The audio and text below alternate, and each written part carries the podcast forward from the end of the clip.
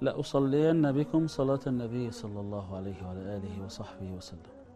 هذا كان كلام سيدنا أبي حمزة خادم نبينا صلى الله عليه وسلم سيدنا أنس بن مالك رضي الله عنه. فقام رضي الله عنه فلما رفع من الركوع أطال حتى قلنا نسي.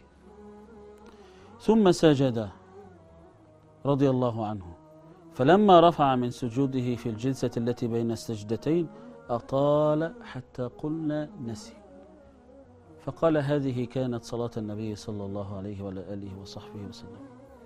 سمت المحب أن يستقل عمله وألا يرى نفسه شيئا في جناب حق سيده ومولاه سبحانه وبحمده. ولذلك كان العلماء يقولون العبد دائما بين مشهدين مشهد مطالعة المنة من رب العالمين ومطالعة القصور والذنب من نفسه. أبوء لك بنعمتك علي وأبوء بذنبي. وإذا دخلت ببصيرتك وجلت في هذا الفلك الأواب حديث سيد الاستغفار من نبينا صلى الله عليه وسلم فإنه يدلك على ما هنالك من الحب في أطواء قلبه عليه صلوات الله وسلامه. فهذا عبد لا ينطق عن الهوى صلى الله عليه وسلم. فينطق عن محبته لله عز وجل. فيقول اللهم أنت ربي. دخل من بوابة الربوبية. وفي هذا ما فيه من توسل برحمة الله عز وجل. لم يدخل من بوابة الإلهية. ما دخل من بوابة الربوبية. أنك تربيني وتقيتني وتغذوني وترزقني وخلقتني وأنا عبدك. كأنما يقول في صمته تعلم ما بي. وأنا على عهدك ووعدك ما استطعت فأنا محب. لن أفارق درب المحبة ولا ميثاق الود. وأنا على عهدك ووعدك ما استطعت. اللهم أنت ربي لا إله إلا أنت خلقتني وأنا عبدك وأنا على عهدك ووعدك ما استطعت. أبوء لك بنعمتك علي وأبوء بذنبي. فهنالك اعتراف وإقرار بجلال النعمة والمنة من رب العالمين سبحانه وبحمده وبقباحة ما يكون من العبد. وفي هذا خجلة تكسو الإنسان انكسارا. يعلمنا النبي صلى الله عليه وسلم أن نتذلل لله عز وجل وأننا في غمرة الذنوب ورؤية التقصير أننا لا ننسى نعمتك وأنت رب العالمين سبحانه سبحانه وبحمده وأبوء لك بذنبي فاغفر لي فإنه لا يغفر الذنوب إلا أنت. هذه هذا الإفراد الذي في النهاية هذه اللفظة فإنه لا يغفر الذنوب إلا أنت. فيها توسل عظيم بالله عز وجل كأنما يقول إلى من تكلني. لن يغفر ذنبي إلا أنت. لأنك ربي فليس لي غيرك. ولأنه لن يرحمني إلا أنت. ولأن معتاد كرمك أن تغفر الذنب. فعلى عظم الجرم لا يكون أعظم من عفوك. فهذا بيان محب. المحب يلحظ هذين المشهدين. فلما كان النبي صلى الله عليه وعلى آله وصحبه وسلم يقف بعد الركوع يثني على رب العالمين فيشغله الثناء ويطيل حتى يقول الصحابة نسي. فكان يستطيل الثناء على رب العالمين سبحانه وبحمده. وكان كما ثبت في الصحيح يدعو رب العالمين في بعض صلواته في هذا الموضع. يقول اللهم بعد بيني وبين خطاياي كما أورد ذلك الإمام ابن حجر رضوان الله عليه. فهذا مشهد الثناء على رب العالمين. مشهد يطيل النبي صلى الله عليه وسلم لأنه محب. يطيل الوقوف عنده. والمحب لا يشبع من الثناء على حبيبه ومن ذكره ومن شكره ومن حمده لأن الحمد كما قلنا قائم على ساقين على المحبة وعلى ذكر المحامد والثناء على من تحمده وهو رب العالمين سبحانه وبحمده. فيقول صلى الله عليه وسلم مستزيدا الحمد حمدا طيبا كثيرا مباركا فيه ملء السماوات وملء الأرض ثم لا يشبع هذا المحب. وملأ ما شئت من شيء بعد. أهل الثناء والمجد. أحق ما قال العبد وكلنا لك عبد. لا مانع لما أعطيت ولا معطي لما منعت. ولا ينفع ذا الجد منك الجد كما قلت لك. إذا ناجى رب العالمين انشغل بشهود ربه سبحانه وبحمده فأثنى وأثنى. والمحب لا يشبع وإنما ينهل دائما. من هذا الكوثر العذب المتدفق من عند سدرة المنتهى. وإذا جلس بين السجدتين والسجود نافذة الإجابة شرع لنا على لسان سيدنا صلى الله عليه وسلم لسان هذا المحب. أن يقول رب اغفر لي رب اغفر لي رب اغفر لي رب اغفر لي. يستطيل حتى قيل أكثر من ثلاثين مرة. كأن هذا الاستغفار يزيل الحجاب الحجب التي ربما حالت بين العبد وبين تلقيه أنوار الإجابة في السجود. فإن أقرب ما يكون العبد من ربه وهو ساجد. وهذا القرب في حاجة إلى تخلية. وهذه التخلية تكون بالاستغفار بغسل القلب من الأقذار والأقدار والأوضار حتى يكون داخلا على الله عز وجل دخول التائب العابد الأواب فيستغفر كما قال بعض أهل العلم. سبحان الله. يجلس جلسة المذنب أحضر لتنفيذ حكم فيه فيكون مطلقا هكذا مستغفرا ناطقا بلسان الاستغفار. فهذان المقامان مقامان دالان ناطقان على ما في قلبه صلى الله عليه وسلم من عظيم حبه لربه لأن المحب كلما عظم حبه استصغر عمله فجعل يستغفر. ولذلك كان الاستغفار سمتا في النبي صلى الله عليه وسلم. يجلس بين أصحابه لا يكثر من الكلام في الدنيا يجلسون كأن على رؤوسهم الطير هيبة له وإجلالا صلى الله عليه وسلم. فكيف كان قضاؤه وقته في ذلك؟ قل رب اغفر لي وتب علي. رب اغفر لي وتب علي.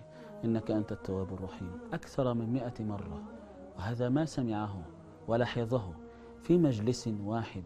فكيف بما كان يكون في خاصة نفسه. ويقول ببيان المحب. والمحب دائما يرى نفسه مقصرا. إنه لا يغان على قلبه.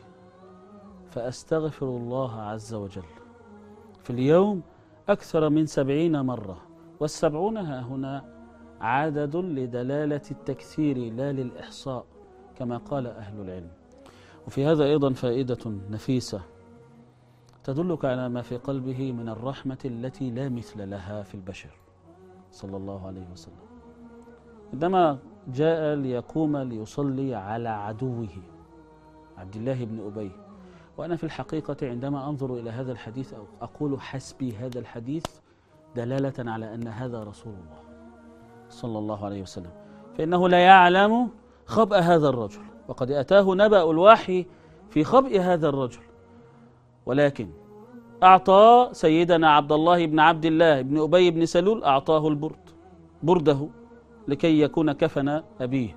وقال إذا غسلتموه فآذنوني يعني أعلموني. وكان حسبه ألا يصلي عليه.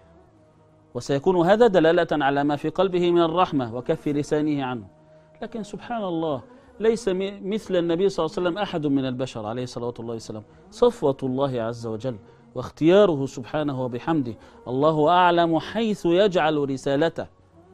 فيقول إذا غسلته فآذني أعلمني. فيذهب ليصلي. فيقوم بين يديه الفاروق الذي يعلم أنه ينطق بالحق. فجعل سيدنا عمر يعدد ما فعله ابن أبي. يا رسول الله صلى الله عليه وسلم لقد قال كذا وكذا لقد قال ليخرجن العز منها الأذل لقد قال لقد غبر علينا ابن أبي كبشة لقد قال لقد قال لقد قال. العجيب ها هنا أن سيدنا عمر نقل إلينا صورة والله غريبة غريبة جدا يقول ولا يزيد رسول الله صلى الله عليه وسلم على التبسم. سبحان الله. لم يتمعر وجهه. وقد كان هذا مفهوما. أنك إذا قيل لك كلام سيء من أحد كله فرا وأكاذيب أن يكون لهذا أصداء في قلبك. لكن سبحان الله غلبت رحمته شأنه الخاص. سبحان الله أمر عجيب. فجعل يتبسم مع أن عبد الله ليس موجودا وليس يرجى عودته عودته ولا أوبته. فأي قلب هذا؟ قلب النبي صلى الله عليه وسلم. ليس يرجى عودة هذا الإنسان. قد أدرج في كفنه وهو بين يدي ربه. ومع ذلك يعلو برحمته لأنه يعلم حب ربه لذلك. وقد فطر على ذلك فطرة عليه صلوات الله وسلامه. فهو أعظم الخلق رحمة صلى الله عليه وسلم. ولا يزيد رسول الله صلى الله عليه وسلم على التبسم. فيقول لقد نهاك رب العالمين عن الاستغفار لهم. سيدنا عمر يغار على النبي صلى الله عليه وسلم. وليس معنى ذلك أن سيدنا عمر كان يضيق رحمة الله عز وجل لكنه كان يغار على النبي صلى الله عليه وسلم. لكن النبي صلى الله عليه وسلم كانت رحمته أعظم وأجل وأكبر. فيقول لقد خيرني ربي. استغفر لهم أو لا تستغفر لهم. إن تستغفر لهم سبعين مرة لن يغفر الله لهم.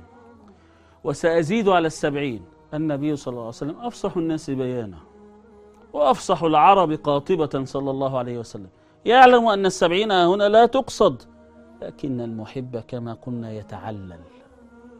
يريد أن يتعلل بأي شيء. فأخذ بظاهر الكلام مع علمه صلى الله عليه وسلم أن ليس مقصودا بالظاهر العدد. هكذا كان حاله صلى الله عليه وسلم. فنرجع إلى ما كنا فيه فكان يستغفر أكثر من سبعين مرة. صلى الله عليه وعلى آله وصحبه وسلم في المجلس الواحد. أكثر من مئة مرة يستغفر استغفارا. ما الذي كان يستغفر منه النبي صلى الله عليه وسلم؟ قد غفر له ما تقدم من ذنبه وما تأخر. هذا استغفار المحب. ليس استغفار المذنب. هذا استغفار المحب الذي كلما عظم حبه أطرق قلبه. ورأى أن عمله لا يليق. ولذلك صحح الشيخ الألباني رحمة الله عليه كما في صحيح ابن حبان حديث سيدنا حافظ هذه الأمة سيدنا أبي هريرة رضي الله عنه أن النبي صلى الله عليه وسلم قال لو عذب الله محمدا صلى الله عليه وسلم وانظر إلى خضوعه وعبوديته جرد نفسه من الألقاب. لو عذب الله محمدا صلى الله عليه وسلم وابن مريم بما جنت هاتان لعذبهما وهو غير ظالم لهما مع أن الله عز وجل لا يعذب النبي صلى الله عليه وسلم بل تفتح الجنة له وحده صلى الله عليه وسلم ثم للخلق بعده. إنما يتقدم الخلق ليستلم مفاتيح الجنة. ومع ذلك كان إذا هبت الريح يغدو ويروح صلى الله عليه وسلم متحركا متحرقا. إنه محب ولا يرى عمله في جنب من يحب شيئا. واعلموا أنه لن يدخل أحدكم الجنة عمله. هذا مفهوم. قد رب الصحابة على أن, أن, أن يفطموا قلوبهم عن النظر إلى أعمالهم. فانصرفوا عن العمل. وقالوا وأنت يا رسول الله؟ لم يقل أحد لقد جاهدنا لقد نصرنا. هذا ليس سمت الصحابة. هذا ليس سمتهم. لهم يرون النبي صلى الله عليه وسلم قد شاب خوفا ووجلا من الوحي. شيبتني هود وأخواتها. فقالوا ولا أنت يا رسول الله صلى الله عليه وسلم؟ فقال بلسان المحب المفتقر إلى ربه ولا أنا إلا أن يتغمدني الله برحمة منه وفضل. ما أعظم حب النبي صلى الله عليه وسلم لله. وما أعظم قيامه بالعبودية. وما أعظم منة رب العالمين على الخلق كلهم بهذا القلب. صلى الله عليه وعلى آله وصحبه وسلم. وما أرسلناك